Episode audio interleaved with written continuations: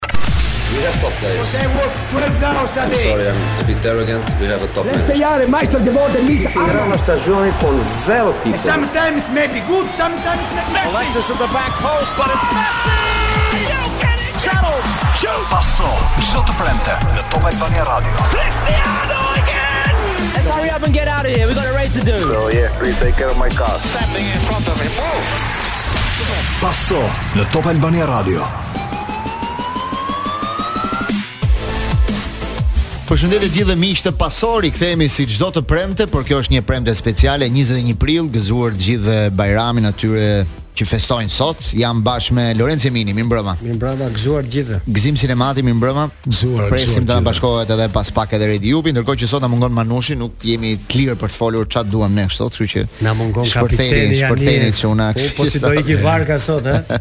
Kjo është, është nga ato mungesa që forcohet ekipi. si me 10, kur luan me 10. Ai domethënë ai është doganieri. Si analiza e Manchester City kur mungonte Haalandi. Po, që luante pak më mirë, po fitonte po pak më mirë. Që forcohet po. kurse Shoredi, kur mungon Manushi, akoma më shumë forcohemi. Si shkoi kjo e premtja e Bajramit sot për ju? Mirë, shumë mirë. Drekë me familjen, pak sport, edhe pastaj turneu tenisit si ishte turneu tenisit te javë. Turneu tenisit mirë, uh, u eliminova në Që në raund të parë si gjithmonë. Jo në raund të parë, raund jo, në të dytin, se. Dua vetëm moshën e kundërshtarit që të mundi, moshën. Uh, pesëdhjetë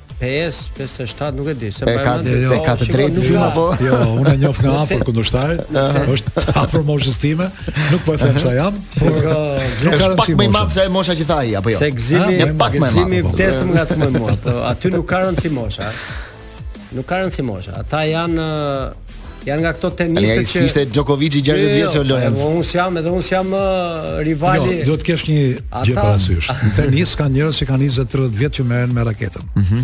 Lenci e dredh bishtin. Jo ke padel, jo ke atletika, jo ke futboll, jo ke kjo. Lenci nuk mund të jetë kampion gjithandej. Edhe aty ku ishte kampion në arbitrim e hoqën se hypi shumë podium.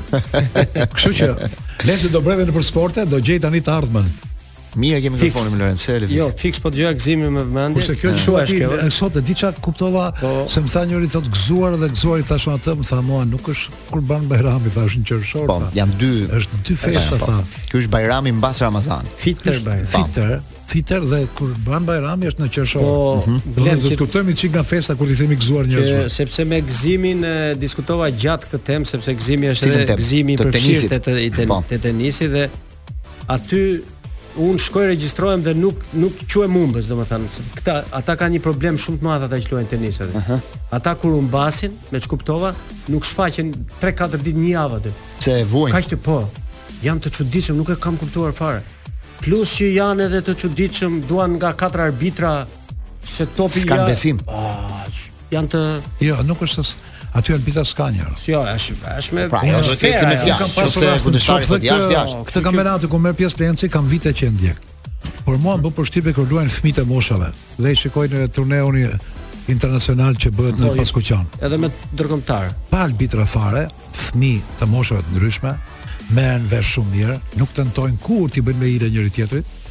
Dhe kur ka pas rastet të veçanta speciale që dikush të bëjë me hile, afrohej dikush që merrte sinjale, që hajde se dikush është problematik. Po, ai është trajnier. Po, ama në thelb, në thelb është qetësi e madhe, dëgjohen vetëm zogjtë dhe topi i tenisit. Domethënë, ai është një sport luksi nuk dëgjon asnjë gjë fare. Se këtu zogjtë, topi. Burra nga 50-60 vjeç bën hile, mendo tani ku jemi. Këtu pasaj është tjetër gjë, është një tenis më poshtë. Pas kanë bërë pak hile këtë javë. E ja pyet Gëzimin. Pa jo. E pyeta ato, mos i ke bërë gjë hile Lencit. Ç'hile ka bërë Lenci futboll ta. Këto janë asnjë gjë për. Asnjë gjë s'e përmet. Ja, më jas. Sot do flasim pak për ndeshjet e kampionatit, ka një javë të rëndësishme në Shqipëri me me derbin klasike e Shqipërisë mes Vllaznisë dhe Tiranës do luhet nesër.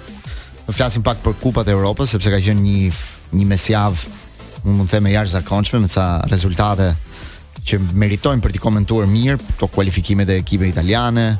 ë Serie A gjithashtu ka zhvillime sepse Juventusit iu rikthyen 15 pikët, por ata janë prapë në tension sepse mund të hiqen disa pikët, por mund të marrin më shumë. Mund të hiqen disa pikë të tjera, pra mund ndodhin ca çudira. Në Angli është ndezur kjo lufta e Manchester City me Arsenalin. Sot Arsenali do të zbresi në fushë në ndeshjen e javës. Gjithë këto tema dy orë që është në Të mërkurën, të mërkurën do jetë Arsenali me Cityn ndeshje e kampionatit, kështu që është një Të mërkurën është ja, mbaroi City sot deri me Southamptonin. Po, po, jo, jo, po, jo, jo, City Arsenali. Arsenali është sot me Southampton. Arsenali Southampton sot ndaj. Pastaj do shikojmë. Nuk luan këtë javë po. sepse ka një ndeshje kupe në në fundjavë do kthehet direkt luaj me me Arsenalin ditën e mërkurë. do flasim pak edhe për basketbollin sepse ka patur zhvillime gjatë javës, ndërkohë që e dëgjuat lajmin e e portierit të Kosovës, ishte shumë interesant. Lorenz se ti je këto për këto lajmet e bakshishit. E bakshishit ishte një lajm shumë i bukur i portierit Muriq që në Gjermani në Mynih, kishte qenë në një lokal nate, film kazino, dukej se quhej lokali, dhe kishte paguar një faturë 36000 euro ku çfarë s'kishte blerë për shokët e tij dhe kishte lënë 10000 euro bakshish dhe ishte mahnitur kamarieri atje, ishte ndarë me gjithë stafin, tha, i përfshiva të gjithë në në këtë bakshishin e madh që ajo kishte marrë, dhe ai kishte blerë 40 shishe Dom Perignon. 10 shishe Armand de Brignac, shampanja të ndryshme, 4 shishe Moët Chandon, 1 shishe Chivas dhe të gjitha i kishte vendosur në një vaskë dushi që e kishte afër tavolinës vet me akull të gjitha rrinin aty brenda. Troç muhabeti që ka portieri më mirë gjithë kohëra. Po, po. Është portieri i Burnlit, i Burnlit në Championship në Championship. në kampionatin anglez dhe portieri i Kosovës, i kombëtares së Kosovës. Po e çuditshme është një futbollist shqiptar Sa do që ta ketë rogën dhe mund t'i marrë dhe të, të shpenzosh 36.000 euro në një lokal. Të ka bërë vjetë në mikro. Halan do kej, po.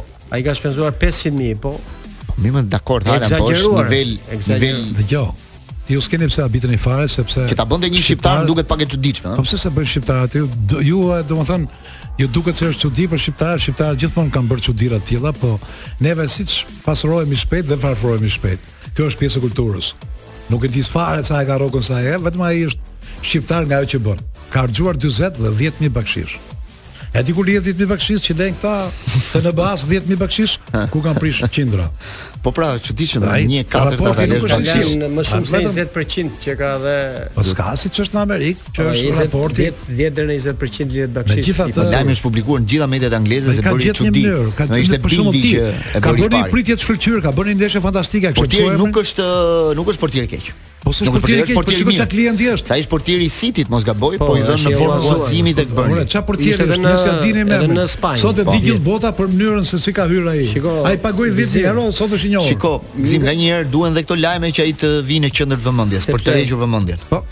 Domethënë e kupton se sa sa shpejt ai i rikthen vëmendje sot gjithë pra, mediat në Vësan ishte një nga lajmet kryesore të showbizit. Po ashtu Daily Mail e kishte Bildi që ka publikuar i pari sepse ngjarja ka ndodhur në Mynih.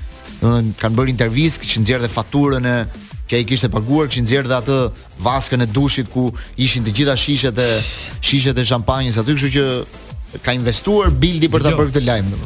Do të marrësh anën tjetër të kësaj, jo vetëm show-n e hyrjen në Guinness për shpenzime, do të shikosh edhe këtë, domethënë që hmm. një portier i panjohur në botë me të ardhura të limituara, mm -hmm. dhe shpenzon në këtë mënyrë, kam përshtypjen që nuk kanë, në ata nuk e bëjnë uh, opinion sepse ka thyer rekordin e shpenzimeve dhe të bakshishit.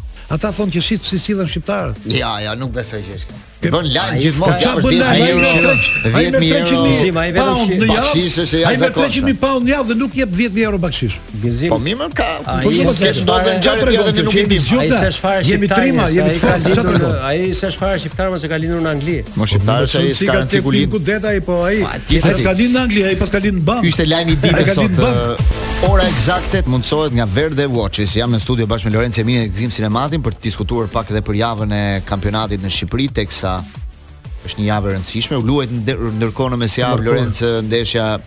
E shumë përfolur mes Kastriotit dhe Bylisit, që përfundoi 2 me 0. Kastrioti prishi gjithçka vetë, mori një karton të kuq, penalti, 2 me 0, domethënë shumë shpejt. Ashtu shumë përfolur ashtu dhe mori mori goditje shumë të shpejtë. Unë mendoja që Kastrioti do jepte pak më shumë në në këtë ndeshje. Ashtu ashtu i shkoi ajo ndeshje në fakt e shpërdoroi një ndeshje dhe them që tani do jetë pak e vështirë për ta që ta ta rimarrin veten ose të futen në lojë sa i përket qëndrimit në në superior apo jo. Në fakt të gjithë prisnin që Kastrioti të të tregonte diçka ndryshe në atë ndeshje. I bëri të gjitha gabim, edhe pse aty gabuan të gjithë pastaj gaboi Kastrioti, gabuan arbitrat, gaboi sepse Të dy, të, të dy rastet arbitri kryesor. A nuk e gjeti vetë, po e gjeti VAR-i. Po mirë. Tani s'mundesh ta kesh penalltin 2 metra larg edhe ti të mos. Ajo penalltia ishte pak e vështirë. Nuk, Glend, edhe një herë. Je 3 metra larg. Po ishte pak e vështirë. Ti shiko, lojtari shkon pa asnjë lloj interesi për topin me gju dhe i futet në gjoks Nuk të se kuptoj dot fare. Po nese. Dhe shyqyr tani që është vari që ke një mundësi ë, sepse unë e shikoj si si një shiko se dha shun e dha vari. Për mua ajo ndeshje ishte pak delikate. Pa tjetër, për historitë që prodhoi. Delikate janë jo, tani jo, jo, këto. Jo, për historitë që prodhoi.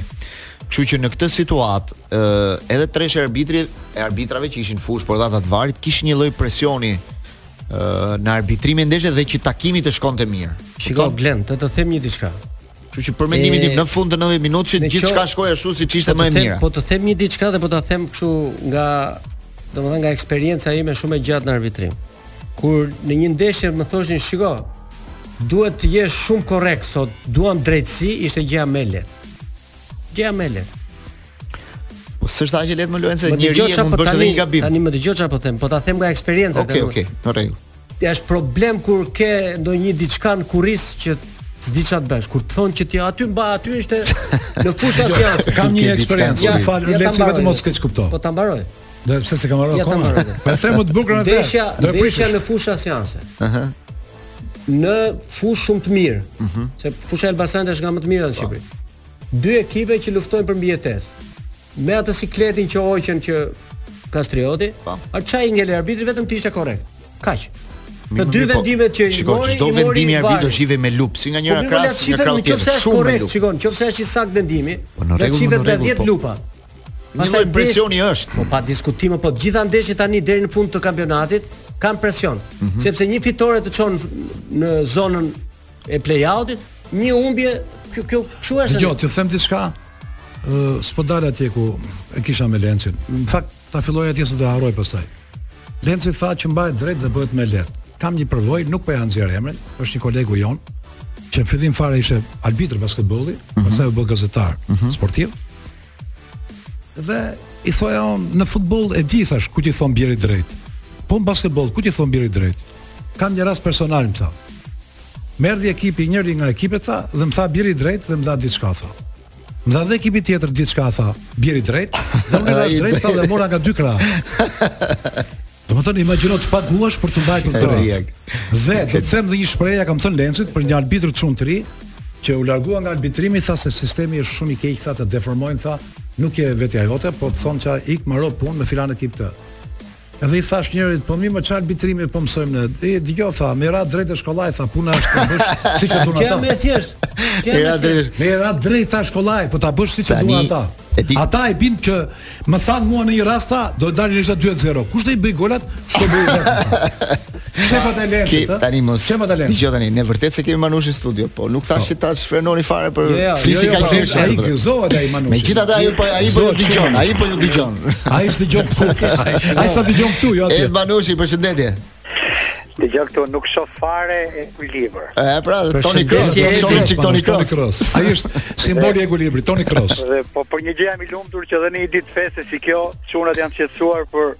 vendin e parë dhe vendin e fundit, jo kampionati, jo sër kampionati, gëzuar festën mbi të gjitha dhe e rëndësishme është Dizi në mat që pata një drekë në Vlorë me ca miq të mirë. Ha. Dhe ishin ishin shumë të shqetësuar. Ça mishi hëngre njëherë para? Mishi diet. Ishte një mish keci i bërë në hell, kurse të brëndshme tani nga që s'ka më shqiptarë i gatuajnë filipinezët me stilin e tyre. Domethënë kukurecin e bëjnë filipinezët në Shqipëri dhe ka erëza gjëra pafund edhe pse është pikant. Imagjino të vish nga Filipinët të merresh me zorrët e blegtorisë. E kecit. Me zorrët e kecit. Më thanë një gjë dhe ishin shumë të shqetësuar. Ëh. Dhe është serioze kjo. Ata thanë inshallah nuk futet vetëgjyqësia në futboll se na piu e zeza, na presin ditë të tmerrshme. Se në një situatë si kjo ku vetëgjyqësia është ulur këmbëkryq në çdo aspekt të jetës tonë, robt nuk kanë më besim as ke shteti as ke drejtësia, do marrin patllaket dhe do vëjnë vetë drejtësi. Inshallah s'na ndodh kjo në futboll. Kështu që është situatë alarmante. Po, Ky ishte shumë i shqetësuar. Po, vetë fol na flet ti, po s'besoj të jetë kaq alarmante Manush. Jo, është alarmante, është. Dëgjo, Manush. Desha të pyes aty kolegët pa ditë që ti do lidhesha. Këta e mm. bën që Kastrioti kështu ka thënë. Ata thanë për Kastriotin kanë marrë peng gjyqtarët, kanë bërë golin, është përdorur për baste gjërat, ndeshjet po bëhen, Kastrioti po luan, ata nuk e dënuan dhe ndërkohë arbitrat guxuan që t'i t'i keqtrajtojnë ata në fushë. Një nga lojtarët e Kastriotit tha që sa gola duhet të bëjmë ne që të quhet se një gol nuk mjaftoka. Ndeshjen me Erzenin. Ndeshjen një javë përpara. Po ishte faull që diskutuam. Mos i bë për të vërteta të gjitha çfarë thotë institucioni, se institucioni tani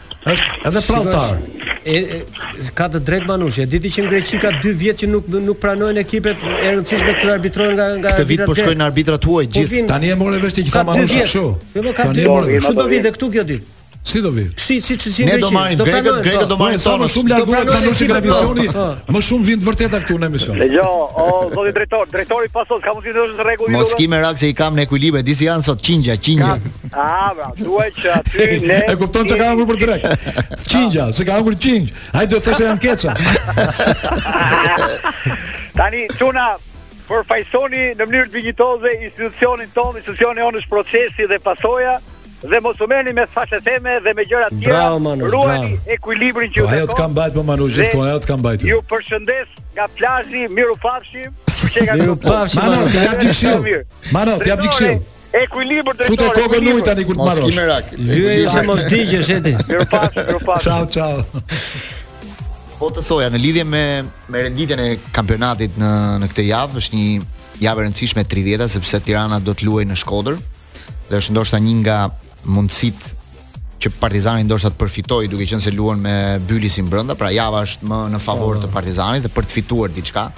Por në krahun tjetër nëse Tirana fiton, që Në Shkodër duhet thënë historia tregon që i kanë shkëmbyer shpesh fitore, pra Tirana fiton në Shkodër, Vllaznia vjen fitojnë në Tiranë, nuk nuk njohin fushë këto ekipe kur luajnë me njëra-tjetrën. Bëhet një javë interesante për të interesi jonë është gjithmonë që kampionati të rrijë hapur deri në fund, të ketë rivalitet, mos ketë shkëputje. Siç ndodh në Itali për shkak të garën interesi fare. Ha, Lenci? Dikur, njerëzit e Tiranës që ishin presidentët e Tiranës, jepshin dhe uniformë, bëshin dhe dhurata për Vllazninë. Vllazninë. T'i thotë dhe këto, Glenti? Jo, shiko. Se thotë dhe për luftës më. Unë me sa kam parë, ka pas me sa kam lexuar, ti duhet ta dish. Edhe në krevat. Shiko, po. ti duhet ta dish më mirë se unë, që Tirana dhe Vllaznia gjithmonë kanë shkuar mirë me njëri-tjetrin. Po, Lojtarët e po. Tiranës shkonin në Shkodër për të luajtur, ha? Mos harrojmë dhe rastin e Memës. Ali Memës ka qenë atje, ka qenë pjesë. Kush ka shku keq me Shkodrën? Shku Partizani, ka shku Dinamo. Për shembull, në momentin që jemi që në historinë e viteve të fundit, Vllaznia ka qenë skuadra që i ka prishur punë Partizanit për shembull, në në disa momente kyçe të kampionatit. Këtë Ndërsa me Tiranën më pak më duket se ke folur me Tan Stogun se ai thotë vetëm kur luan me Partizanin Vllaznia bëhet gjin thotë. Po pra e kam vënë re vitet e fundit që ndodh, nuk e di çfarë ka ndodhur më parë. Në momentin që jemi dhe Vllaznia ka të drejtë tani në këtë kohë, në këtë mhm. sens se Vllaznia edhe është përdorur nga federata. Vllaznia ka qenë për kampionat, ata e kanë lënë për kupë. Më mirë. Unë kam parë dhe presidentin e Vllaznisë kur vjen të ankohet, ai ankohet i ankohet Zotit se nuk thotë se kush e ka përgjegjësinë. Ti e ke vënë re, ai humbet me shëmën. Në është kampionati dhe Vllaznia nuk mund të bëjë dot. Shikon, Vllaznia jo. sot është në vend të katërt. Ne kemi futboll të atill që tani Vllaznia t'i kundërvihet 100% pa menu fare për atë. Kishte në një interes Liverpooli ose Ndeshja tjetër kjo West Hami direkt. Po atë vetëm aty ngatërrohen. Po prapë të them, është pjesë e kulturës së aty. Njëri, po. Është pjesë e kulturës. Edhe vendi ku mund të zojë një shkrim para një jave. Që ekipi i Anglisë i ka ardhur në majë të hundës me Manchester City për prepotencën, për arrogancën e miliardave, për mënyrën si sillen për gjërat, Ama kur dalin në fushë nuk pyesin për Arsenalin. I prishin punë dhe le ta marrë jo City, po ta marrin më keq. Edhe edhe i ranë nga kategoria po, tetë ekipit të prishur. Kurse neve, neve ky thotë le kam pas marrëdhënie të mira gjërat. Jo, Ata jo. marrin urdhër nga institucioni. Nuk e kisha marrëdhëniet e mira në aspektin që bien dakord me njëri, nuk e kisha nga kjo anë. Janë skuadra që lojtarët e dy ekipeve kanë shkuar mirë në përgjithësi. Dhe këtë këtë po thoja, Vllaznia ka ardhur ka fituar në Tiranë, për shembull Tirana shkon fiton atje. Don është Po këto s'janë ato këto gjëra. Mjafton kujtoj para 2 po vjetësh Tirana fitoi bëri ndeshjet që aty mbylli titullin. Po, po. Herën e fundit më duket me me po, shein. Po, vjet. Po s'janë të mira këto në Shkodër mbylli titullin. Para 4 vjetëve këto. Aty u vendos që ranë kategori të dytë, po, kategori të parë. Aty ranë kategori po, dhe u pati dhe pati dhe një zënkë mes tifozëve. Ma vonë që pati u futën në fushë tifozët. Çfarë tifozët janë gjatë tim apo? Këto 7 javë që kanë ngelur, se 7 kanë ngelur. Të gjitha këtë kështu do të diskutojmë, domethënë sepse po një tre javë Lorenz nuk e di pse e shoh pak javë. Si ja do të vendin Edhe javës tjetër kështu do flasim. E di pse se çdo tre pikë që merr tani mm -hmm. është shumë i rëndësishëm. Nuk është si javës 10 apo 15 apo 12 që kishe kohë. Tani s'ke më kohë. Koha po mbaron. Ti si mendon ky 5-pikësh është uh, avantazh i rëndësishëm, duke qenë se kanë një ndeshje direkte përballë njëra-tjetrës? Para një uh, ndeshje Partizani Bylis që ne themi që është më e lehtë se luan, Në letër. Në letër. Unë them që është shumë e vështirë.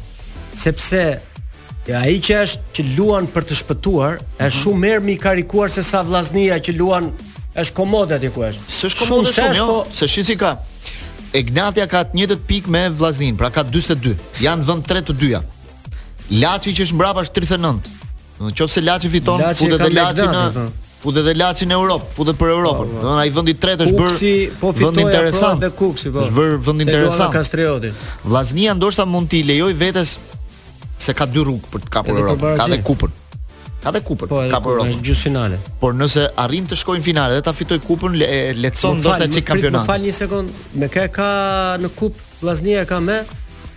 Tirana luan me Teutën? Ah, se kishte një se këtu njihen edhe këto.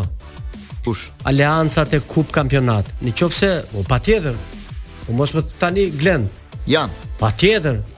Si janë? Si po, si janë? po jo si janë. Ata luan me Egnatian, me Egnatian. Po ka qenë një ndeshje Tirana Kukës e famshëm, e mban mend apo? Po, po, po. Që ajo ajo bëri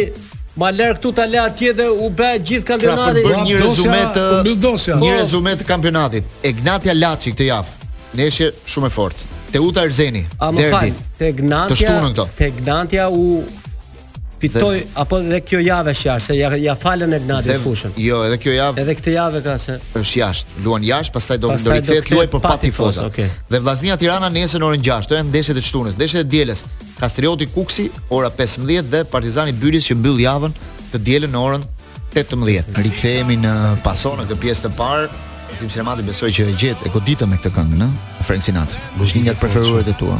Goditje fort fantastike fare. E di që kjo kënga është një këngë në fakt që për herë të parë është ka ka dalë në në treg, pra kanë dëgjuar njerëzit në 67-ën, ka qenë një këngë franceze. Amerikanët i ndryshuan tekstin E këndoi pastaj edhe Frank Sinatra në 69 dhe mori një sukses të jashtëzakonshëm këngë. Ky ka një zë fantastik fare. Pastaj filmi tregon se sa i shthurur ka qenë lidhjet e tij me mafian, lidhjet me familjen Kennedy. Edhe një moment, ky ishte i dashuri i Ava Gardnerit. Atëherë Ava Gardner ishte simbolika e Hollywoodit. Mhm. Femra më e bukur e Hollywoodit. Edhe ky në një moment konflikti me Avagardin, thotë ajo, ti Frank tha i sinqertë je vetëm kur këndon tha dhe kur fle gjumë. Franku, kështu ishte Franku i sinqertë. Po diskutonim pak për javën, pra për javën e kampionatit dhe për për ndeshjet që na presin të shtunë dhe të diel. dhe për situatën në të cilën ndodhen ekipet në këtë në këtë pjesë të sezonit kur janë dhe 7 ndeshje Lorenc për të luajtur. Po, dhe 7 java 30 është kjo, edhe Kjo që po unë them që një fitore për shkak të Vllaznisë do ta bënte akoma më interesante këtë. Duhet fitojë dhe Partizani. Besoj që fiton. Ma merr mendja që do e ketë ndeshjen.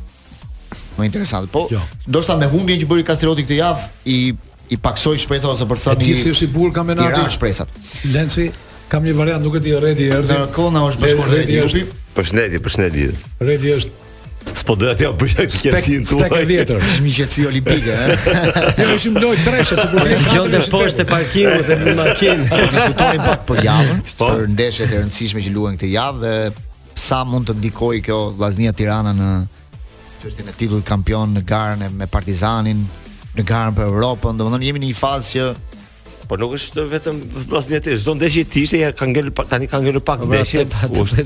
Është shkurtuar numri, do të thoja për për atë që Vllaznia po paraqet nuk është po paraqet një soliditet që tu është ndeshja e rëndësishme për historinë që kanë skuadrat, ëh pra për gjendjen për diferencën shumë të vogël që ekipet kanë me njëra tjetrën, por unë nuk mendoj që është një ndeshje shumë më decizive se ç'ishte Egnatia Tirana për shembull apo se ç'ishte siç do jetë Partizani me Bylisin pra janë të gjitha ndeshje shumë të rëndësishme. Janë janë është është mbledhur laku për të për të gjitha ekipet. Po shiko, tani fillon një fazë ku ti në çdo kampionat për ekipet që kryesojnë dhe që janë, domethënë kanë një distancë të kapshme, shifen gjithmonë kundërshtarët që kanë përpara.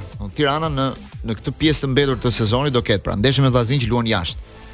Pastaj ka Kastriotin brenda që mendohet që është në letër një ndeshje lehtë, po flasim letër, është po. gjithmonë se çfarë ndodh në fushë pastaj se dim. Pastaj luan me Teutën jashtë. Pastaj ka Partizani ndeshje direkte. Domthon to janë sfida deri ke ndeshja direkte. Këto të dy pra, e ka shumë forta se po. luajnë për mbijetesë dhe Teuta aty është futur. Po. Kështu që Tani Tirana i ka krijuar vetes një avantazh shumë të madh, 5 pikë. A doli nga loja Kastrioti në këtë humbje që jo, bëri jo, këtë jo, javë? Apo vazhdon të jetë akoma në lojë? Mendoni që është akoma në lojë? Ë, unë do doja shumë të mos ketë dal. Po. Unë do doja shumë që Kastrioti të ishte në lojë, pra ata vetë ta quajnë vetë që janë në lojë, në kuptimin që të të tregojnë gjithë agresivitetin që kanë kanë treguar fazën e dytë në mhm. fazën e 3 dhe 4 në në sezonin e kaluar. Po, aty shpëtuan. Po, aty dhe ishin aty ishin vend parë domethënë. Pra, bravo atë. Jo. Domethënë në, në fazën 34 Kastrioti i vjetshëm ka qenë i pari në po. klasifikim. Pra, nëse ata bëjnë po të njëjtën gjë, e para një herë nuk i dihet asnjëherë edhe për veten e tyre. E dyta do i jepnin një vlerë shumë madhe këtij kampionati i cili fakt nuk e meriton të respektohet aq shumë sa sa që e respektojnë disa nga skuadrat. Po 5 pikësh Redi, 5 pikësh nga pas. Me thënë drejtën, që desha derbi do jetë kam një kam një gjykim tjetër. Në qoftë se do thoni ju janë 7 javë të fundit dhe këto janë ndeshje të forta, 3 pikë të cilën neve kemi kohë domethënë që jemi dëshmitar se si këta bëjnë skenarin në fund kampionatit.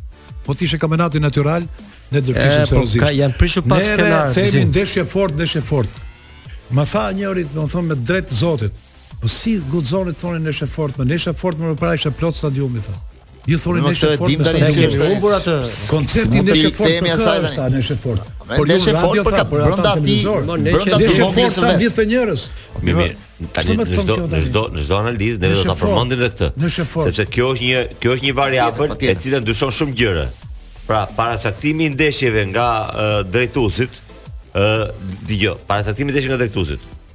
Trukimet her pas here që bëjnë ekipet të ndeshjeve, ë duhet futur si variabla në gjithë diskutimin që bëjmë neve. Redi kam një pyetje që pastaj i të mos bëjmë emisione gënjeshtra. Redi kam një pyetje Redi, e kam për ty Redi, e kam për ty.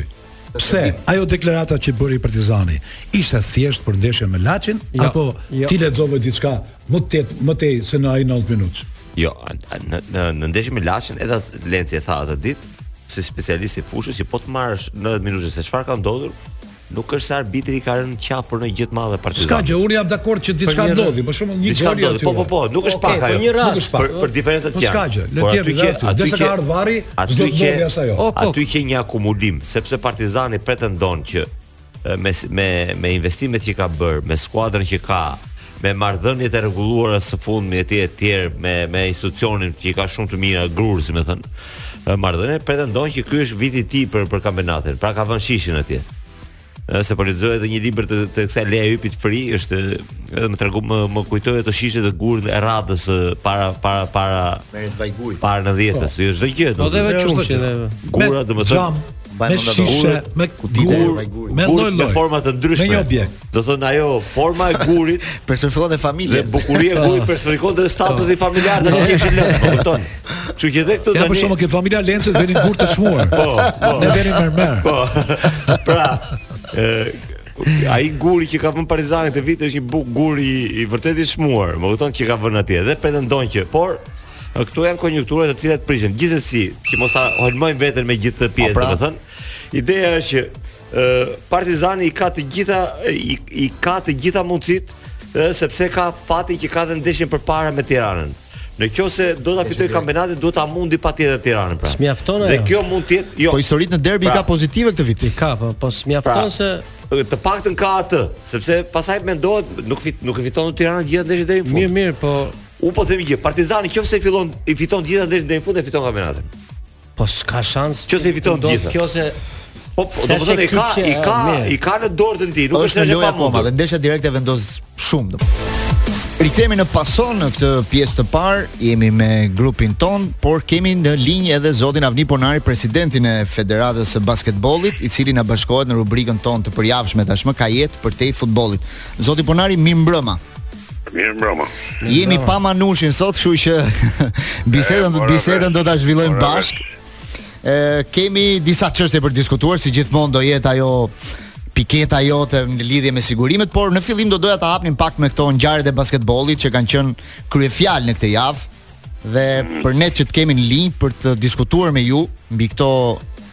zhvillime që ka patur është një rëndësi e madhe. Ditën e djeshme, pardjeshme më saktë, u zhvillua një derbi i femrave ku pati dhe skena dhune në fund. Në fakt që ishte diçka e rrallë për për ndeshjet e basketbollit sepse nuk para ndodhin situata të tilla. Aq më tepër për femra. Aq më tepër për femra. Do doja një mendim tuajin të parë ju sot si Federata e Basketbollit keni bërë dhe dënimet përkatëse nëpërmjet Komisionit të Disiplinës, keni bërë dhe një reagim ë kundër dhunës dhe çdo gjë tjetër, por doja edhe një mendim nga ana juaj se si e patë këtë histori dhe çfarë ndodhi si po çfarë po ndodh në në basketboll? Pse ndodhi kjo gjë tek? Se menduam se vetëm në futboll ka kështu. Ëh. E vërteta. Mhm. Si ngjarje është pak Pak e veçantë. Ndeshja Tirana Partizani gjithmonë ka patur probleme gjatë këtij sezoni, po jo të kësaj natyre. Domethënë ka pasur një rivalitet, ëh, mm e cila ka të bëjë me ndryshimin e trajnerja e, e Partizanit ka qenë lojtare e Tiranës, u shkput nga Tirana. Domethënë kanë ca inate të vogla, vajzash. Mhm. Mm do thoja që kthehet pastaj në një ajo është përpjek gjatë gjithë këtyre kohërave që të jetë protagoniste dhe në fund ka organizuar një ekip që që është ekipi i Partizanit dhe që ka arrit të dominojë basketbolin, ishte edhe fituse e Ligës Unike. Mm -hmm, po. Që ka disa lojtare të huaja, amerikane, lojtare me shumë uh, nerv, Si dhe thonë, por dashur pa dashur kanë marrë diçka ndoshta nga nga sjellja, do të nga inatet shqiptare edhe ato. Mm -hmm. por pak protagonistët. Ë, uh, ndeshja normalisht u gjykua mirë, shkoi mirë, por në fund pati diçka që nuk ishte është shumë normale në momentin që po ndaheshin dhe po jepshin duart njëra tjetrës, njëra nga gocat e Partizanit ë Pati një ngacmim, tha ndonjë fjalë më shumë domethënë. Si me përkëdheli e preku njërën nga vajzat e Tiranës. Mhm. Mm Ktu filloi dhe ngjarja gocat filluan të qellonin njëra tjetrën. Mm, Aq sa qellojnë gocat, por ishte një shfaqje vërtet e shëmtuar për basketbollin, për sportin, përgjithësi, për basketbollin veçanti dhe Natyrisht që të dy ekipet kanë bërë ato analizat e veta. Ka qenë gjaknxehtësi, e kanë konsideruar si një shfaqje që nuk është normale në basketboll. Dhe federata në bazë të rregullores që ka të miratuar, mori dhe masat përkatëse ndaj dy ekipeve. Tashmë në finale është Partizani me Flamurtarin,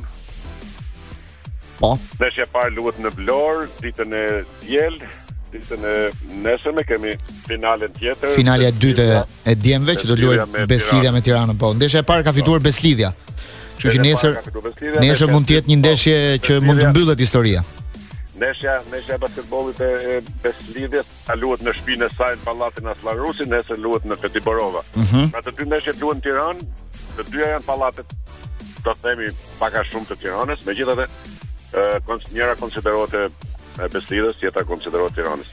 Po shpresojmë që mos kemi ngjarje dhe urojmë që të dy ekipet pritëse të marrin masat e domosdoshme dhe spektatorët të jenë në të ruajnë qetësinë sepse në fund fundit ndeshje shfaqje basketbolli është nuk është ndeshje gladiatorësh. Po ka një ka ka rivalitet mes, domethënë në basketboll mes uh, Tiranës, domethënë rivalizojnë skuadrat sepse nga ndeshja e parë pashë Besëlidhja ishte pak më mirë, domethënë fitoi ndeshjen e parë me një diferencë.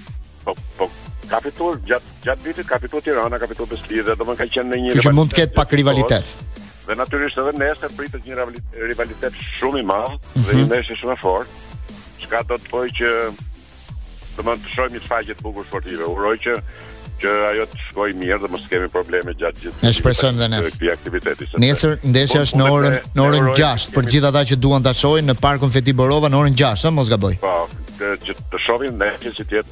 normale dhe po. ne urojmë që të jetë norm, në normalitetin e, e domosdoshëm. Ta shpresojmë me kaq. Edhe një këshill tani si gjithmonë, këshillën tënde për sigurimet, ku do ndalemi sot? Uh, sot do ndalemi tek ajo që do thoja un duke qenë gjithë këto festa, lëvizje, njerëz uh -huh. ikin jashtë shteti, kthehen. Të marrin me vete shëndetin në udhëtim, shëndeti në udhëtim është një siguracion 2-3 euro për të katë 3-4 ditë, 5 ditë, pra çfarë do që të kesh, çfarë do emergjence shëndetësore që të kesh, kudo që të ndodhesh në Europë, jashtë kufijve të Shqipërisë, ke një numër telefoni që mund të thrasësh pranë ke një emergjencën ke spitalet. Pra është një shërbim 24 orë që vjen në ndihmë çdo qytetari, çdo kërkesë të çdo qytetari që ka marrë këtë siguracion dhe udhëton kudo jashtë shteti. Krahas asaj që kemi thënë autososi është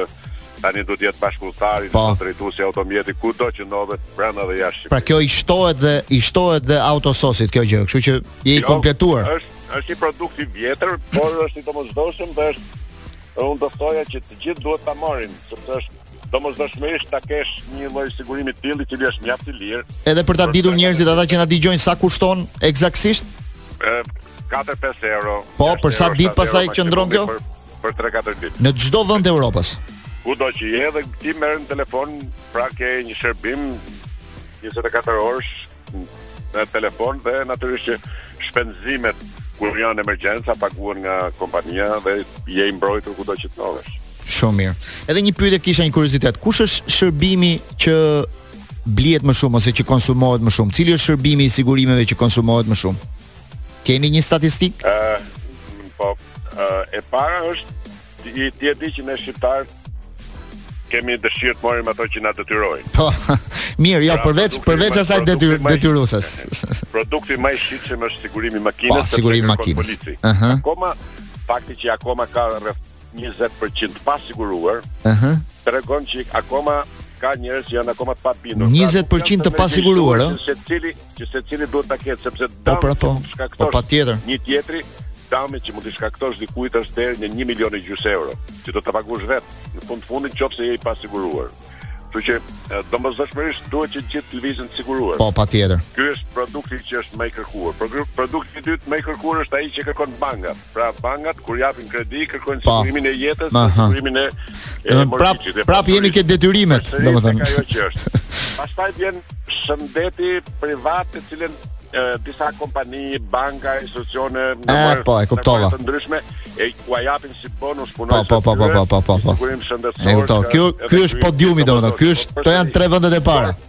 Vendet e para, por akoma nuk jemi mësuar që ne të hapim kompjuterin, telefonin dhe të marrim atë sigurimin që na duhet. Dhe ne kemi një rubrikë, një rubrikë që është çfarë sigurimi më nevojitet. Po.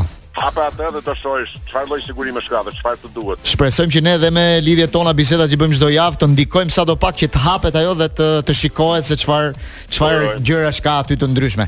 Zoti Ponari, të falenderojmë për këtë lidhje tonë dhe dëgjohemi përsëri të premten tjetër. Jemi në paso në këtë pjesë të dytë dhe është momenti për të diskutuar pak për futbollin europian të mesjavës që na ka dhuruar çiftet gjysmëfinaliste në të gjitha kompeticionet dhe kanë qenë gjysmëfinale në të cilat italianët kanë dominuar. Kemi dy skuadra italiane në Champions League, Milani me Interin që do luajnë dhe bashkë. Kemi dy italiane në Europa League, Roma dhe Juventusi. Kemi një italiane në Conference League, që është Fiorentina. Mm. Kështu që është një rikthim i futbollit italian në Europë. Dhe këtë vit me koeficientët që kanë arritur, janë të tretët në Europë në renditje dhe po i afrohen shumë Gjermanisë që ishte është skuadra e dytë në është vendi i dytë në renditjen e UEFA-s në ranking në 5 vitet e fundit për sa i përket kupave të Europës. Por Si ky vit italianëve nuk i ka ndodhur asnjëherë që të jenë pesë skuadra në tre kompeticione në gjysmëfinale. Po pse është pse do të thotë që është një ka risk në Itali vendi 4 të jetë jashtë Champions League. Shiko ça ndodh tani në lidhje me vendin e katërt.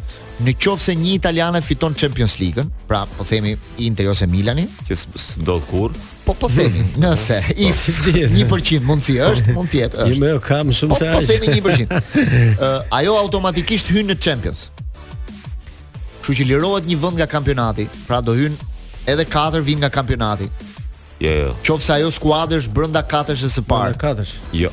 Tani edhe pa edhe pa katër skuadrat e edhe pa fituesin e Championsit, se që dëgjova që në, në Itali vendi katërt. Jo more Redi atë, ta shpjegoj po. pa ta shpjegoj deri në fund. Pra, në qoftë se fiton një skuadër Champions League. S'ka lidhje më me fitim, më trego katër vendet e para të kampionatit. Sot, Lëre, katër vendet e para katër, janë. Është si Napoli. Katër çon katër. Italia çon katër. Katër, po.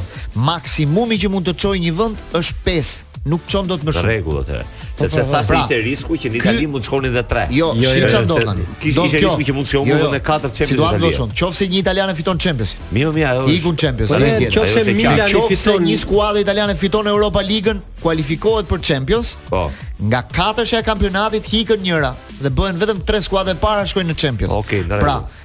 UEFA nuk lejon që më shumë se 5 ah. skuadra të një vendi të shkojnë në Do të thënë nëse Milani që është vend 5, po po mbaron kështu. Po, dhe fiton Champions League-ën. Shkon i bie si që të mos marrë pjesë Roma.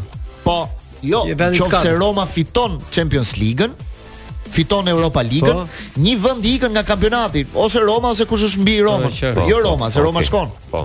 Po kupton, domethënë nga kampionati ikën, nëse nuk lënë që të shkojnë gjashtë ekipe nga një vend në Champions League. Domethënë 5 është maksimumi ose më pak.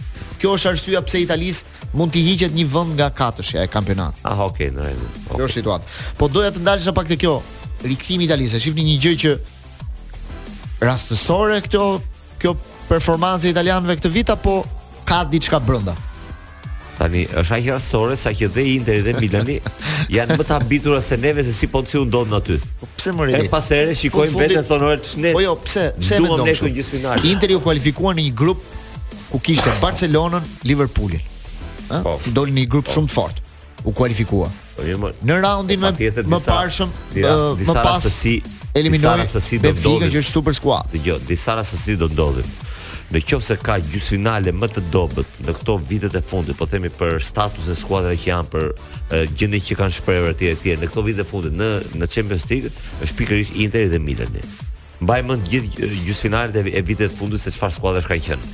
Pra është pak vështirë që skuadra ë jo të atij niveli siç është nga ana tjetër Real Madridi me me me me City, pra siç është Interi dhe Milani tani të arrijnë në atë në atë nivel të Champions League. Milani duhet të ishte këputur që me Tottenhamin. Është pak e rastishme. Kur kaloi atë Glendi, o Glendi kam një pyetje për ty. Jep tre arsye, nuk jam dakord dhe me Redin për shkakun. Në fakt jam, po Po të bëj tre tre jep tre arsye pse skuadrat italiane kanë dominuar kupat këtë radhë. Çka ka ndryshuar në futbollin italian? Ja ta them unë. Italia ka disa kohë që po vuan për mendimin tim. Do është fakt që kanë shumë kohë që kanë 6 vjet që nuk kualifikohen në një gjysmëfinale Champions League. Hera e fundit duket ka qenë Juventusi që është kualifikuar, po. ka shkuar edhe në finale atë vit. Ë por në Itali ka ndodhur një fenomen në këto në këtë periudhën e fundit.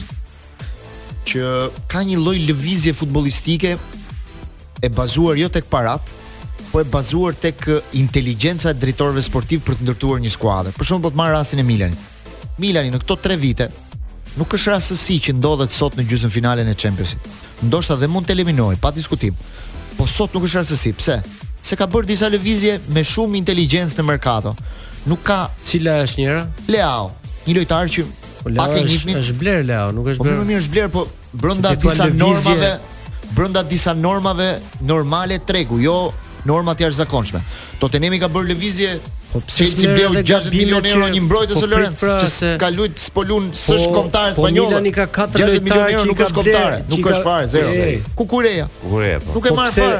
Po pse nuk zë katër lojtarë që Milani i ka marrë gabim i ka Hernandez, po prit më ka dhe gabime patjetër. Ai ka blerë 20 20 lojtarë, normal, gjithë nuk do t'i dalin. Theo Hernandez, prap një lojtar anonim. Po përmend më të rëndësishmit Maignan, portier, portier. Maignan, Maignan. Mirë është blerë. Super portier. Po, po u ble më Lorenz, po u ble me brenda brenda një fal, atë e kanë falur. Brenda një kotacioni të jashtëzakonshëm. Messias, Messias. Po. Saelemaekers. Bennacer, Krunic, pa këtë që bën një Kjaer, që ishte lojtar nga Fenerbahçe ishte ishte pra, ke shkuar për të duar vetëm këtë në fazën e fundit që po mora këtë pjesë. Shkojmë ke Roma, që dje më ka mahnit me futbollin që bëri dje. Sa blerje shumë inteligjente. Abraham që ishte një lojtar i skarcuar nga Chelsea, Dybala i skarcuar nga Juventusi, mbrojtja e... që është Një Smalling që i skarcuar nga Manchester United sot Manchesteri po vuan për një mbrojtës që. Tjetër gjë. Pra, dëgjoj, janë disa lëvizje inteligjente të italianëve. Jam dakord me Milan. Edhe Inter. Ta vazhdoj po. se ti bëra tre po. tre pyetjet. Me që që ka inteligjencë e drejtorëve edhe pas kanë bërë jo vetëm me drejtor, po them bënë disa lëvizje inteligjente. Po disa më përpara, më përpara ishte inteligjenca e futbollistëve, domethënë që krijonin ekipe të mira, tani është inteligjenca e drejtorëve. Vitin tjetër do ketë vazhdimsi kjo puna e drejtorëve, do jenë më italianët nëpër kupa. Ta shohim. Tani po është e njëjta situatë. Pritse lam, lam apo mund të Napoli. Çfarë skuadra do të bëjë Napoli? Po. Çfarë skuadra do të bëjë Napoli? Vërtet nuk është Napoli në Tash ti do i kesh më italianët nëpër kupa kështu si këtë radhë, mos harro dhe një gjë, ë. UEFA le të thonë ça të duan ata mafioze, jo organizatë të tilla të tilla, i ka bërë një nder shumë të madh. Njërën pjesë e bëri Serie A, njërën pjesë e bëri. Problema është se edhe caktuan gol për goglat. Napoli, Milan, Inter, që bën kështu. Deri në fund dhe këtej thyejnë kokën shumë shumë. Ai ai goglat. A janë anglezët skuadrat më të më të shtrenjta të botës? Dy ekipe kanë zgjuar. UEFA shortin. Dgjoj. Ne kemi një kampionat italian të vrarë që në fillim. Ai ai vdiq pa filluar mo Redi. O Redi. Ka shku 16 pikë përpara. Po mirë, nuk e di UEFA. Këtë shortin e bën me ato gogle dhe sulmemës, i kanë marrë që atëherë, ka qenë një seminar dhe me ato hedhin. Me të ngrohta me të ftohta, më mirë. Është e pamundur që ata të marrin. Kemi shpikur ne atë para. Po, po. Të kenë ata 2007, 2007. Të tillë është e pamundur. Gjithsesi, tani Jo, ajo që thua ti vlen vetëm deri diku për Milanin dhe pak për Napolin. Deri diku për Milanin. Por ama nga ana tjetër Milani ka bërë një kampionat mediokër në po, kampionatin e vet vendas. Jo, Milani tregoi që nuk ka një kontingjent për të përballuar dy kompeticione. Interi ka bërë një kampionat mediokër nga ana tjetër. Do të thotë unë mendoj që kjo e kjo e Milanit është rasti në Champions League. Siç ishte rasti fitimi i titullit. Sepse Champions Liga jo domosdoshmërisht tregon forcën reale të një skuadre. Në rregull, po Milani e, kishte 16 pra, vjet që nuk shkonte më. Stadin e vërtetë, stadin e vërtetë të kapacitetit të një skuadre e tregon kampionati vendas në të cilin luan, sepse është i, është më i vazhdueshëm, është i po, përjavshëm po, dhe është një përballje direkte. Pra siç është Arsenali atje, siç është Napoli këtu etj me radhë. Napoli u gjend pse ka ka krahasim Napoli me Milanin për sezonin që kanë bërë? Zero. Ama në këtë ndeshje U duk sikur Milani qenka kategori tjetër në raport jo, me Milani Napoli. shfrytëzoi atë. Napolit ndoshta i mungon kjo eksperienca për të përballuar këto muaj të kupave. E kupton që janë këto skuadra speciale të prillit. Të qëllon një ndeshje Championsi në të cilën një ndeshje tekësh, sepse në një ndeshje mund ta humbësh atë. Ndeshja e parë që aty aty ishte më mirë Napoli etj etj. Në tani në ndeshjen e dytë u dëmtua Napolitan, ky Politano, që fillim të ndeshjes Po Osimhen ishte gjysmë lojtari, më shumë ishte atje për të qenë si pikë referimi përpara që që të shkarkohej ky Kvaratskhelia. Mbas mbas dëmtimit, të gjithë ata përqendrimin e çuan tek Kvaratskhelia që i bënë dyfish dyfishime markimi të të këtij Kalabria dhe Kalabria po. Fillimisht fillimisht Brahim Diaz dhe pastaj Mesias. E kupton dhe u anullua Napoli. Ndodhi dhe dëmtimi i këtij me Mario Rui, Që për shembull mund të ndodhte edhe që futej nga brenda Kvaratskhelia dhe dilte Mario Rui në krah. Ishin të gjitha gjëra të çuditshme që të ndodhin në një ndeshje. Dhe këtë të bën tani që të bësh që Milani paska bërë gjithë merkaton. Mi më mi nuk e kam vetëm ke Milani, po mos kualifikohej Milani po do ishte Napoli. Prapë italiane do ishte. Di ti që Maldini është vënë në diskutim për atë merkaton që ka, që thua ti gjatë sezonit? Pra ka pasur diskutime për shkarkimin e tij. Këtë dyshe s'i kanë goditur ja disa lojtarë s'i kanë goditur jo, fare. Po, ja De Ketelaere është një investim shumë i rëndësishëm në Milan. Po ai belgu, De Ke De Ketelaere. Që është një De Ketelaere. De Ketelaere. Shumë gjëra, sepse skuadra nuk po ecën. Pra skuadra në kampionat nuk është mirë. Kjo po, Milani shpëtoi ka, shpëtoi shpëtoi kampionatin dhe veten me këtë. Por nuk jam dakord që ata kanë po. bërë kolpo merkato. Aty përveç Maignan që është një fuoriklas, një nivel, domethënë Është është mbase lojtari më i nënvlerësuar në botë.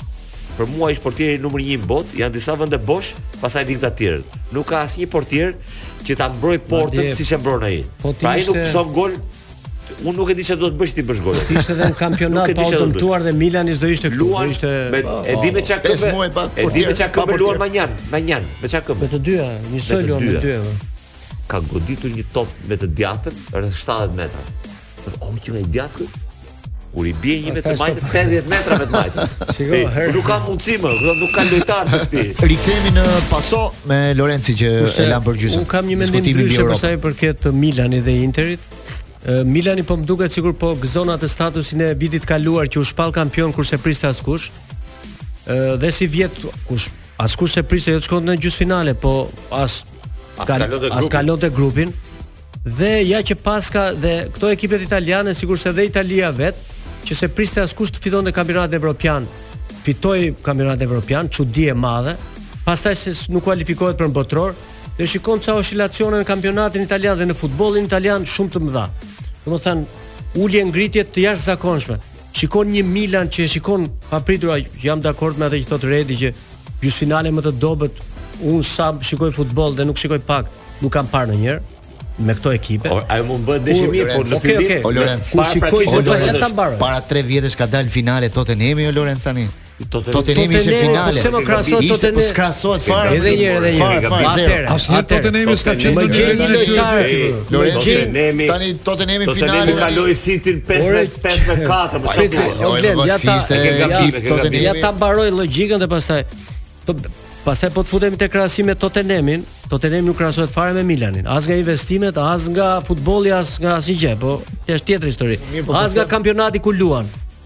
Se Tottenhami nuk luan në Itali me Monzën. Ke pra, ke, po, ke vetëm dy ekipe angleze në ajo që të, në 12 shiko, shiko, gjysmëfinaliste të Europës. Ajo që ta bit, ti po të shikosh tani, Inter luan me Monzën dhe del 0-1. A kupton? Monza, Monza, e ke dëgjuar, unë s'e kisha dëgjuar ndonjëherë Monzën. Dhe shkon mund Benfica. Dhe shkon mund Benfica në ben, në në Portugali. Është një penjim i Lorenzo. Po jo po, ore, ata po, po flasim për ekipe profesioniste të nivelit shumë të lartë. Capello e pyeti Maldinin, i tha, "Për ju si Milan sot është më e rëndësishme katërshja e kampionatit, pra prezenca në Champions League vitin tjetër, apo Champions League-a që po luani këtë vit?" Dhe ai tha, që patjetër tha, e, katërshja, prania në Champions League vitin tjetër është më e rëndësishme. Po. Po treni i këtij Champions League tha, i kësaj Champions League që po kalojmë nuk duhet lënë T'iki. Po mirë, patjetër, duhet kapur patjetër, se kjo të vjen. Ai po, po se Milani ka 20 vjet që s'po shkon aty. Ai do të shkojë në finale tani. Po, pse do Glend edhe një. Pse mos të shkojë? Tani kur mendon si kur mendon që nga gjysmëfinalja mungon Liverpooli, mungon Chelsea, mungon mungojnë që ekipe bërë investime nga një Bayern, me nga 1 miliard euro investime. investime Ti më thua mua për Milanin që ka blerë 5 lojtarë me nga me nga 7 milionë euro. Shiko, nuk duhet ta lidh vetëm me këtë, se po i thotë edhe Redi pak më parë.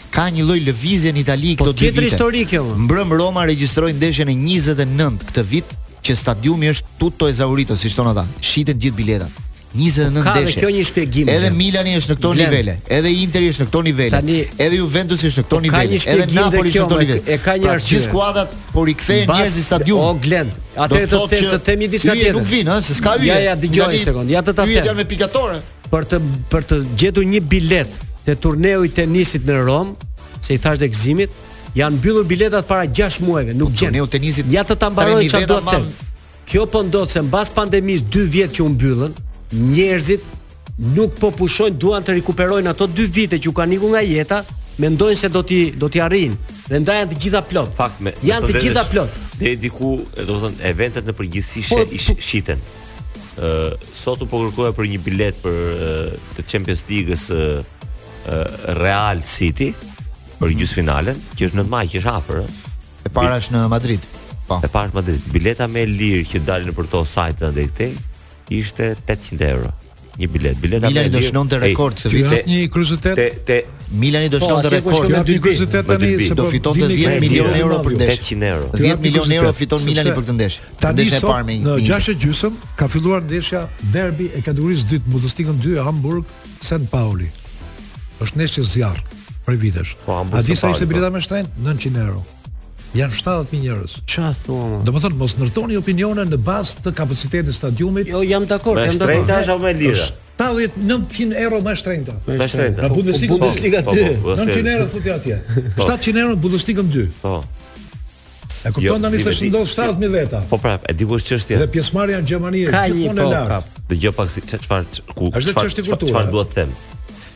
kudo që se Hamburgu për shembull jo. ka zhgënjyer është 1 me 1 pjesa e parë kudo të bësh një event të bësh evente që të të, të, të nivelit që që që vlen të shikohet se në përgjithësi kush kre, kush organizon një event nuk i hyn kot së koti ta bëjë atë në gjithë botën për shembull në Kanada po themi një vend jo shumë futbolldashës një ndeshje futbolli organizuar aty 10000 të gjitha të shitura pra shiten gjëra bileta shiten për ndeshje boksi shiten për tenis Pra janë eventet në përgjithësi, ato që marrin përsipër ta organizojnë evente shesin.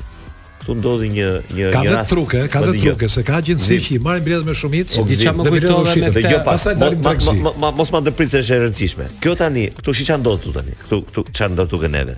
Po një këngëtare e famshme shqiptare bëri një një event, një do fliste përpara studentëve, njerëzve të tjerë, është një nga është kjo Ermonela Jaho. Salla bosh. Dy veta vetëm në sallë. Dy veta po.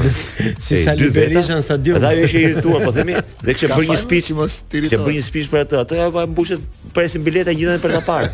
M'u kujtua tani në 90 e ca ka ardhur James Belushi në Shqipëri hera e parë që vinte, hera e parë. Tani ka ardhur gjithë herë. Pastaj po, vjen ka marrë pasaportën gjithë. Dhe është bërë te piramida. Është pronar vere. Isha unë duke ecur me shoqen time në në rrugë te piramida. Nga shkolla e vet. Duke ecur kështu. Kur vjen njëri? Hajde tha, çfarë? Tha, "Ti ja 5000 lekë." Tha, "Pse i dha?" Në në me me kështu çalla shpina u gjejmë. Tha, "Hajde është një kështu event brenda tha."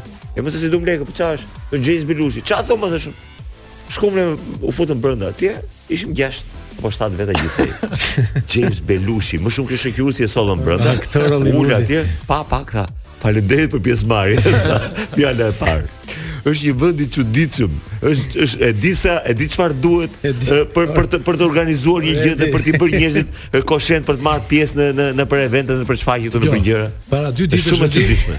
I tregova Glentit Meqë jemi ke pjesëmarrja, se po kujtoj ai sa liberishëm për stadiumin. Po. U shitën gjithë biletat, është stadiumi plot, desha një biletë, tha s'ka vend, tha se janë shit biletat. Po. Stadiumi ti e pesi ishte. Tash më e bukura ishte që atë ditë Hyri stadium, hyri ai autobusi i çuditshëm, ai që do të ndryshojë po. jetën e gjithë Shqipërisë. Po. Hyri brenda në fushë. Më kujtua Federata që i ka lënë rradh futbollistët dhe që nuk luajnë dot në Real Albania, luajnë vetëm derbi, po. lejon autobuzën e partisë shkeli barin. Atë bar që ne kemi bërë pesë herë fushën, janë harxhu miliona lek dhe pra atë bar që ne blemë diell artificial. Se ky diell i madh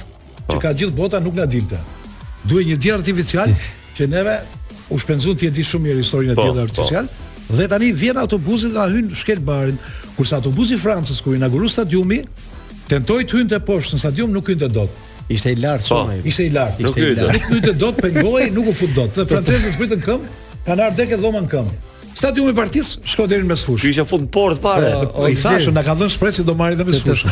Edhe edhe i diçka ta mbyll me Gëzimin se thotë për këto evente, për këto eventet madhore që po organizohen me të vërtetë që s'po gjen dot, se u interesova edhe për një ndeshje për Realit që luhet në Sevilje finalja e po. Kupës së Mbretit, nuk gjej as biletë. As biletë. E pabesueshme. Po, tani. Po, e pa zonë edhe po. Gëzimi tha diçka edhe se po e lidh me profesionin tim tani me agjencinë e shitjeve. që ndonjëherë fryen këto dhe më bën përshtypje shkojmë te ky pallati përballë dhe gjejmë pronarin them shiko më intereson po kam një po. klient çka janë çfarë të gjitha janë çfarë të gjitha është stil oh. është dhe stil, kam stil. kam një është stil që mos edhe biletat i jo, marrin agjencitë dhe do të shiten pyetja ishte kjo Gëzim tani këta që te vende kanë kopjuar nga këto të ndërtimit tonë është skemë kjo apo ne nga ata se s'po. Jo, jo, kjo kjo është skemë. Ai që thotë u shitën biletat, u shitën. Janë shitur thotë. Ata do rishiten. Biletat do rishiten me çmim tjetër. Sipas kasinë. Po, po, të mëshme. Kartoni i fundit të. Ku shkon? Ku shkon ne në bingo në në Thecan? Bërtiste njëri te bingo, se u bë bingo si xhiro atë. Shkonim brenda në bingo dhe bënishim si xhiro, kishim si dalje atë. Ulish me atë anin darkë e rinim kështu. Ku çfarë të bënim? Ishte kartoni i fundit thoshte ai. Shkonte Mandi për ta marrë shoku jonë, hapte një karton në dorë. Super kështu do të thotë ai. Super kompjuter i fundit. Super kompjuter në Angli që ka po. bërë një parashikim për Champions League-ën. Dhe super kompjuteri thotë që Skuadra favorite për të shkuar në finale është Manchester City me 65.7%. Po. Reali Madridit që shkon në finale e ka përqindjen 34.2%. Për Milanin mos ma thuaj Glen Klude. Interi vend 55.45. Në gjysmëfinalen tjetër janë 54.2 po, me 45.78 po. për finalen. Për fitoren. Manchester City 50% po. që fiton turneun. Real Madrid 22%. Po. 14.6% Interi dhe 12.5% Dëgjoj. Ata sikur na kanë dëgjuar ne. Është shumë e vështirë ta sfidosh super kompjuter. Një kompjuter i cili ka merr të dhëna informacion shumë dhe i nxjerr të dhëna, por mua më më mua më çudit, domethënë nënvlerësimi që i bën Real Madridit gjithmonë. Pra Real Madrid City mua nuk më duket ajo superfuqi ë që që e bëjnë këta. Vërtet ka ndryshuar shumë City, sepse thanë që City me Realin tani City ka ka ë ka mundësi që të marrë një farë revanshi me me Realin. Sepse ishte ky Reali që e nxori. Se thanë Reali është po i njëjti në si koncept dhe lojtarë. Si ka gjithë këto vite? Reali është po i njëjti dhe koncept dhe lojtarë, kurse City është shumë i ndryshuar. Është shumë është skuadër tjetër tani. Por e, inteligjenca e Guardiolës është që në këtë moment skuadrën e ka bërë shumë solide në mbrojtje. Tani po luan me 5 mbrojtësa. Luante me 2 më parë, s'kish asnjë nga anësorët mbrojtësa, tani po luan me 5. Pra, e, e, m- po themi pra tani Pesë. luan me 3 Kthehet mbrapa, edhe me tre, tre e, mbrapa, tre qendra dhe dy krah. dy përpara mbrojtës që janë Rodri dhe e, ky Stones. Pra po luan me 5 mbrojtësa roli sepse edhe Rodri luan qendërmbrojtës me kombëtaren spanjolle. Pra një lojtar po, shumë i përshtatur. Po, qendërmbrojtës ka po, luajtur. Po, në pozicionin e mbrojtës. Pra, pra në këtë moment ka fituar soliditet në në fazën mbrojtëse. Dhe kjo është për të parë tani. Po prap mua nuk më duket që City është përmirësuar aq shumë sa që kuota kotimi i tij me Realin të jetë kaq të ketë kaq diferencë të madhe. Unë e shikoj, e di si e shikoj unë City me Realin. 50 me 50. 51 49 po. 50 me 50.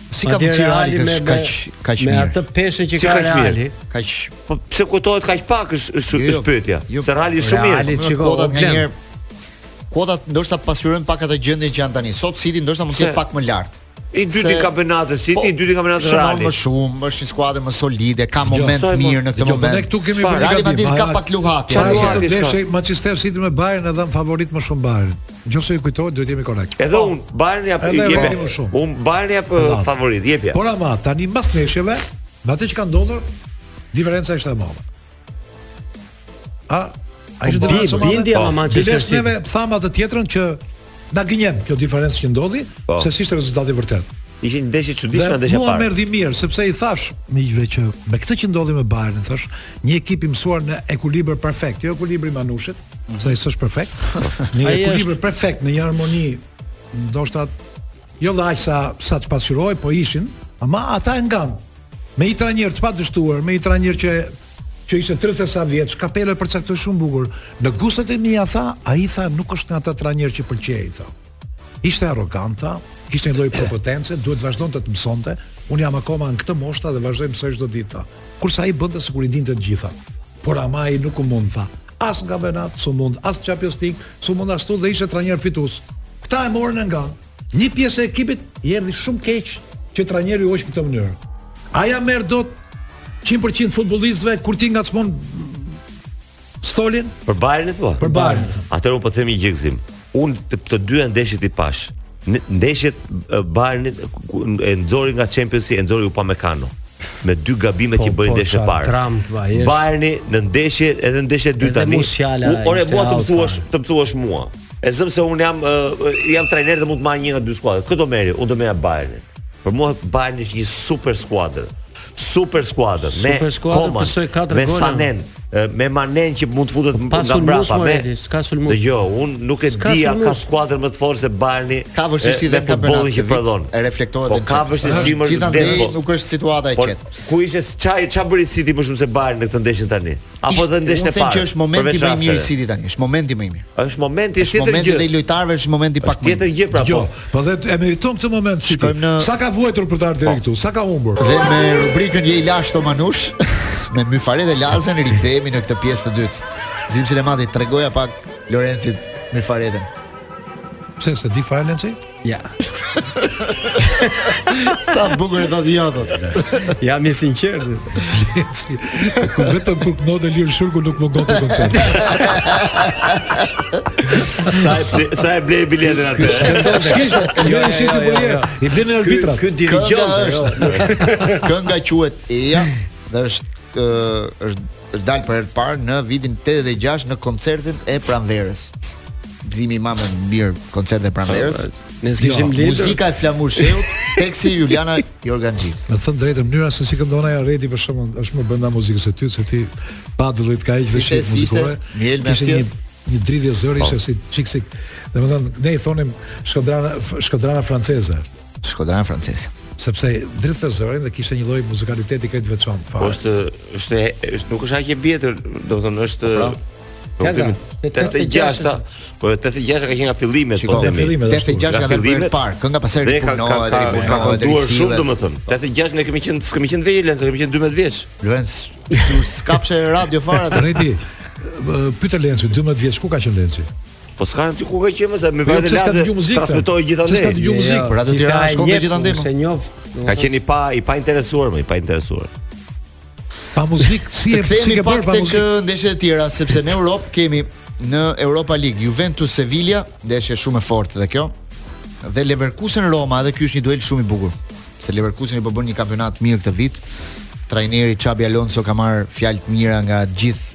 shumë trajner europian, kështu do ketë dhe një përballje me Mourinho, ndërsa në Europa në Conference League do jetë Fiorentina me Bazelin dhe West Hami me Alkmaarin. Këto do të jenë dy gjysmëfinalet e tjera. Ka patur dje dhe një debat në në fundin e ndeshjes së Romës me Feyenoordin.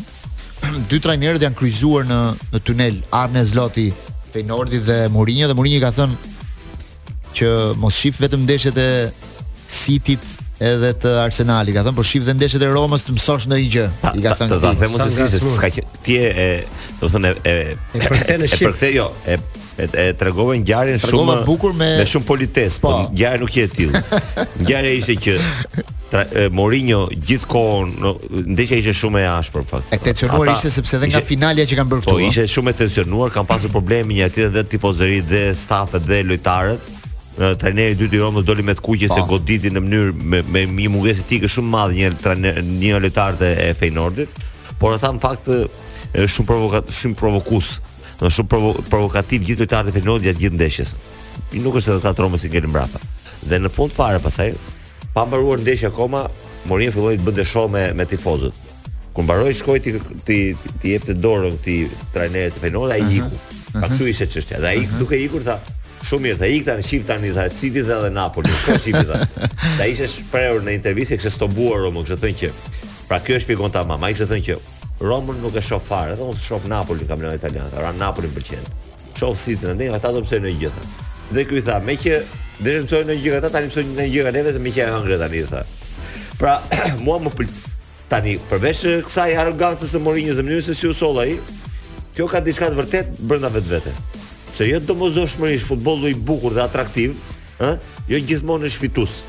Dhe jo gjithmonë duhet duhet duhet duhet të bëhet qëllim vetë që ti ta ndjekësh pra.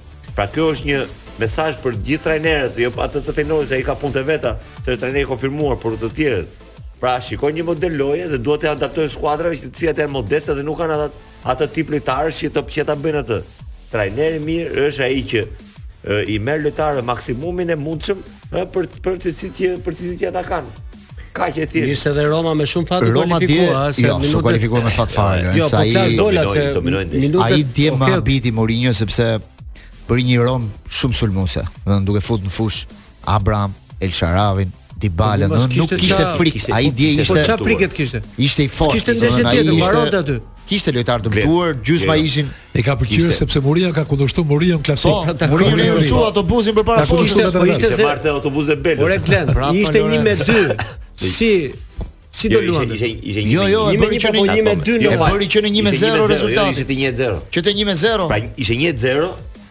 Por që e di ça më pëlqeu mua se ai e kishte të, të studiuar atë.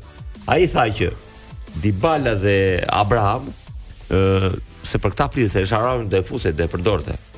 Kanë në këmbët e tyre 30-40 minuta. Se u vran, kishin dëmtime të vogla dhe të rrezikshme. 30-40 minuta kanë në këmbët e tyre dhe ai i futi në minutën 65 të dytë. apo të 70. 65-70, një min minutazh i tillë ishte. Po. Dhe me ata ishte 1-0 qe duke fituar aty. Ai po, tha, "Çfarë që të ndodhi, unë me këta do shkoj dhe në kohën e rregullt dhe në shtesë." Dhe ashtu i shkoi. I bëri golin në uh, Dybala, i funksionoi mm. shumë mirë Abraham, i dha thellësi në raport me ata.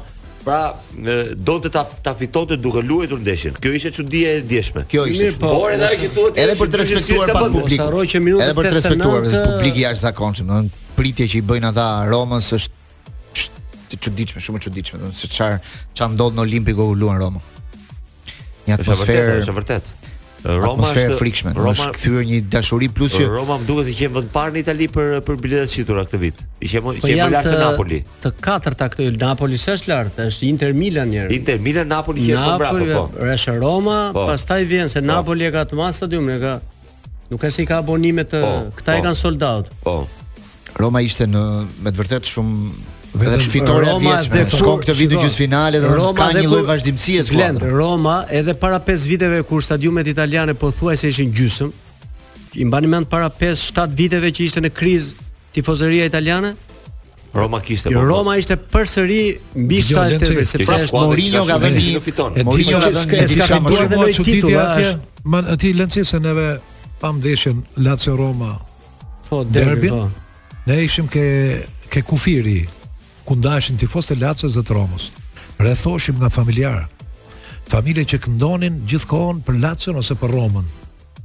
Ata e kishin pjesë të kulturës apo futbollin. Pa to ka shumë rëndësi, se nuk ishin vetëm këto. Zim, ti mos e harro. Shofim ultrasit dhe shofim vetëm krahun ekstrem të futbollit, kush e merr peng stadiumin, siç ka është ajo lufta që bën presidenti i Napolit me ultrasit e Napolit. Po. Por brenda ata të heshtrurit, të bukurit që janë që zbukurojnë stadiumin, janë familjarë. Për shembull kur kemi qenë në Bernabeu sa vite më parë, më thoshte miku jonë që jeton atje, Është shumë i thellë madridizmi tha në po, pa, qytetarët e po. kryeqytetit tha. E duan shumë tha dhe besojnë shumë tha, sido që të jetë Reali këta janë të pranishëm këtu tha. Shiko Gzim po, po ti ne na e o Gzim po. Protestojnë herë pas here. Ana e ana e leksionin atyre që ka marrë shumë Champions League, ka shumë trofe, shumë po. gjëra. Është ekstra.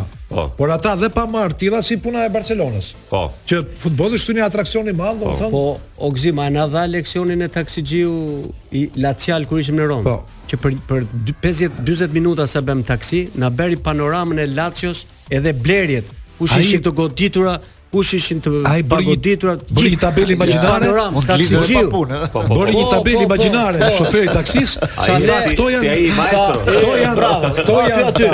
Vetëm se këto janë tha blerjet me sukses të Igli Tares tha, këto janë dështimet e Igli Tares tha, i thamë ne përse e quan dështim operacionin Muriqi, Jo tha kemi një histori këtu tha ke ne tha në Lacio ke zona e Lacios tha dhe themi tha që a ka shqiptar që s'ka fitu lek nga operacioni që bëmë për Muriqin po se ishin shumë të përfshirë. Edhe ju do keni kapur. Kur arritëm në hotel taksi. Po. Kur arritëm në hotel Gzimi tha po kur të kthehemi do jesh prap ti morëm numrin që të bënim orën tjetër të leksionit. Po ishte kur Jemi në 6 minutat e fundit të Pasos, Lorenc s'e lë diçka pa thënë. Ajo që e kisha prapë për tifozët e Romës vjet kur u zhvillua këtu në Air Albania finalja Roma me Feyenoordin.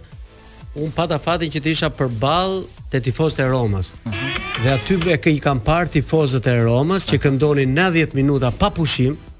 Po ishin nga mosha, po them, 16 vjeç, se kishte edhe të vegjël fëmijë dhe prindërit e tyre të gjithë në kor 90 minuta.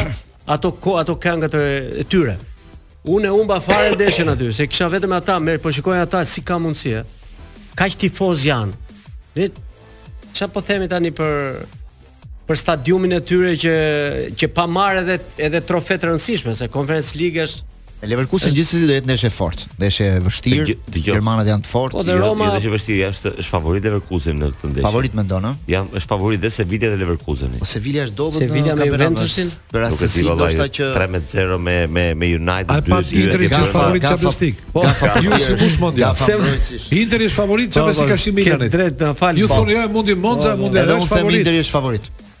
Edhe unë për historinë që ka patur këtë vit me Milanin. Interi me Milan është favorit edhe për të. Edhe unë shikoj, edhe unë shikoj favorit Leverkusenin dhe edhe nga ana tjetër shikoj se Sevilla ka dhe një ka dhe një traditë në në këtë Europa League. Nuk e frikshme që se ka fituar nja 6 herë Glend Europa Ligën. Sevilla. Me Unai Emerin po, pas po, tre të njëjta skuadra. Vetëm se di ka një shiko. Ju vetëm se di ka shtuar, ka shtuar mirë me Sportingun skuadra e fortë, më e fortë se Sevilla. Është është e rëndësishme kjo traditë. Shiko, është e rëndësishme kjo tradita. Shiko traditën që ka Reali në Champions League. Reali ashtu si çdo vit që vjen me atë dhe e shikon gjysmëfinale çdo çdo vit e ka aty. E di sa herë kish dalë gjysëm finale Lenci? 22 herë. 32 herë. 22. Kurse 28 herë kishin dalë ekipet e tjera gjitha bashkë. Gjitha bashkë. Ekipet spanjolle. 28 herë, 32 herë vetëm Reali. Fokusohemi pak dhe tek fundjava. Ai është bashkë vetë atje në Champions League. Sot pra luan Arsenali ndeshjen e e kampionatit. Po.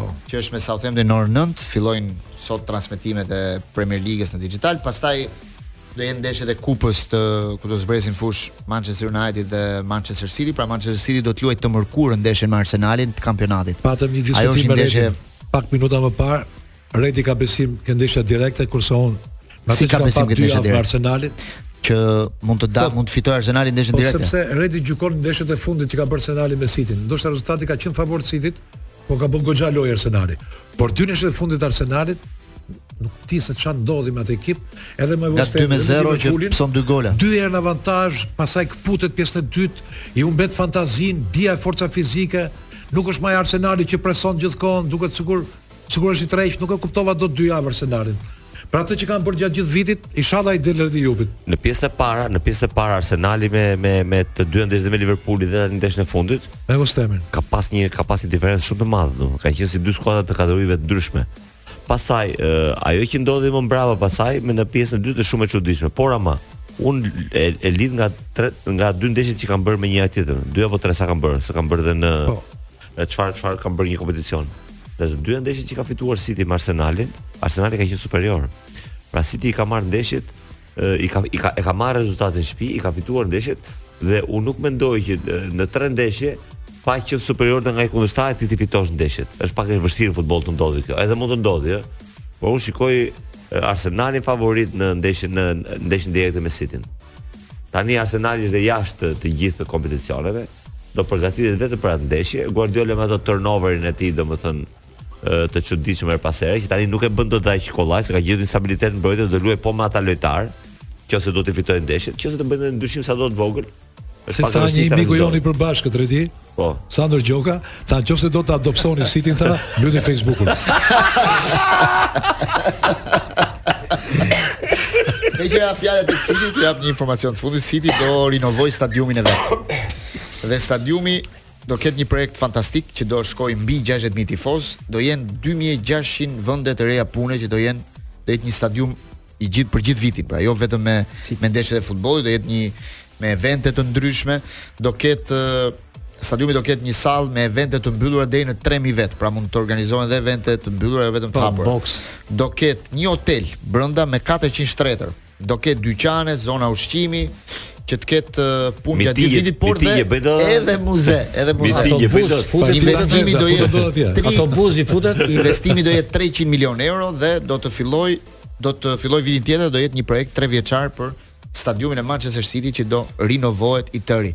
Çfarë thot Trevor Fezo për duelin Arsenal Manchester City? Si thot kompjuteri i Trevor Fezos?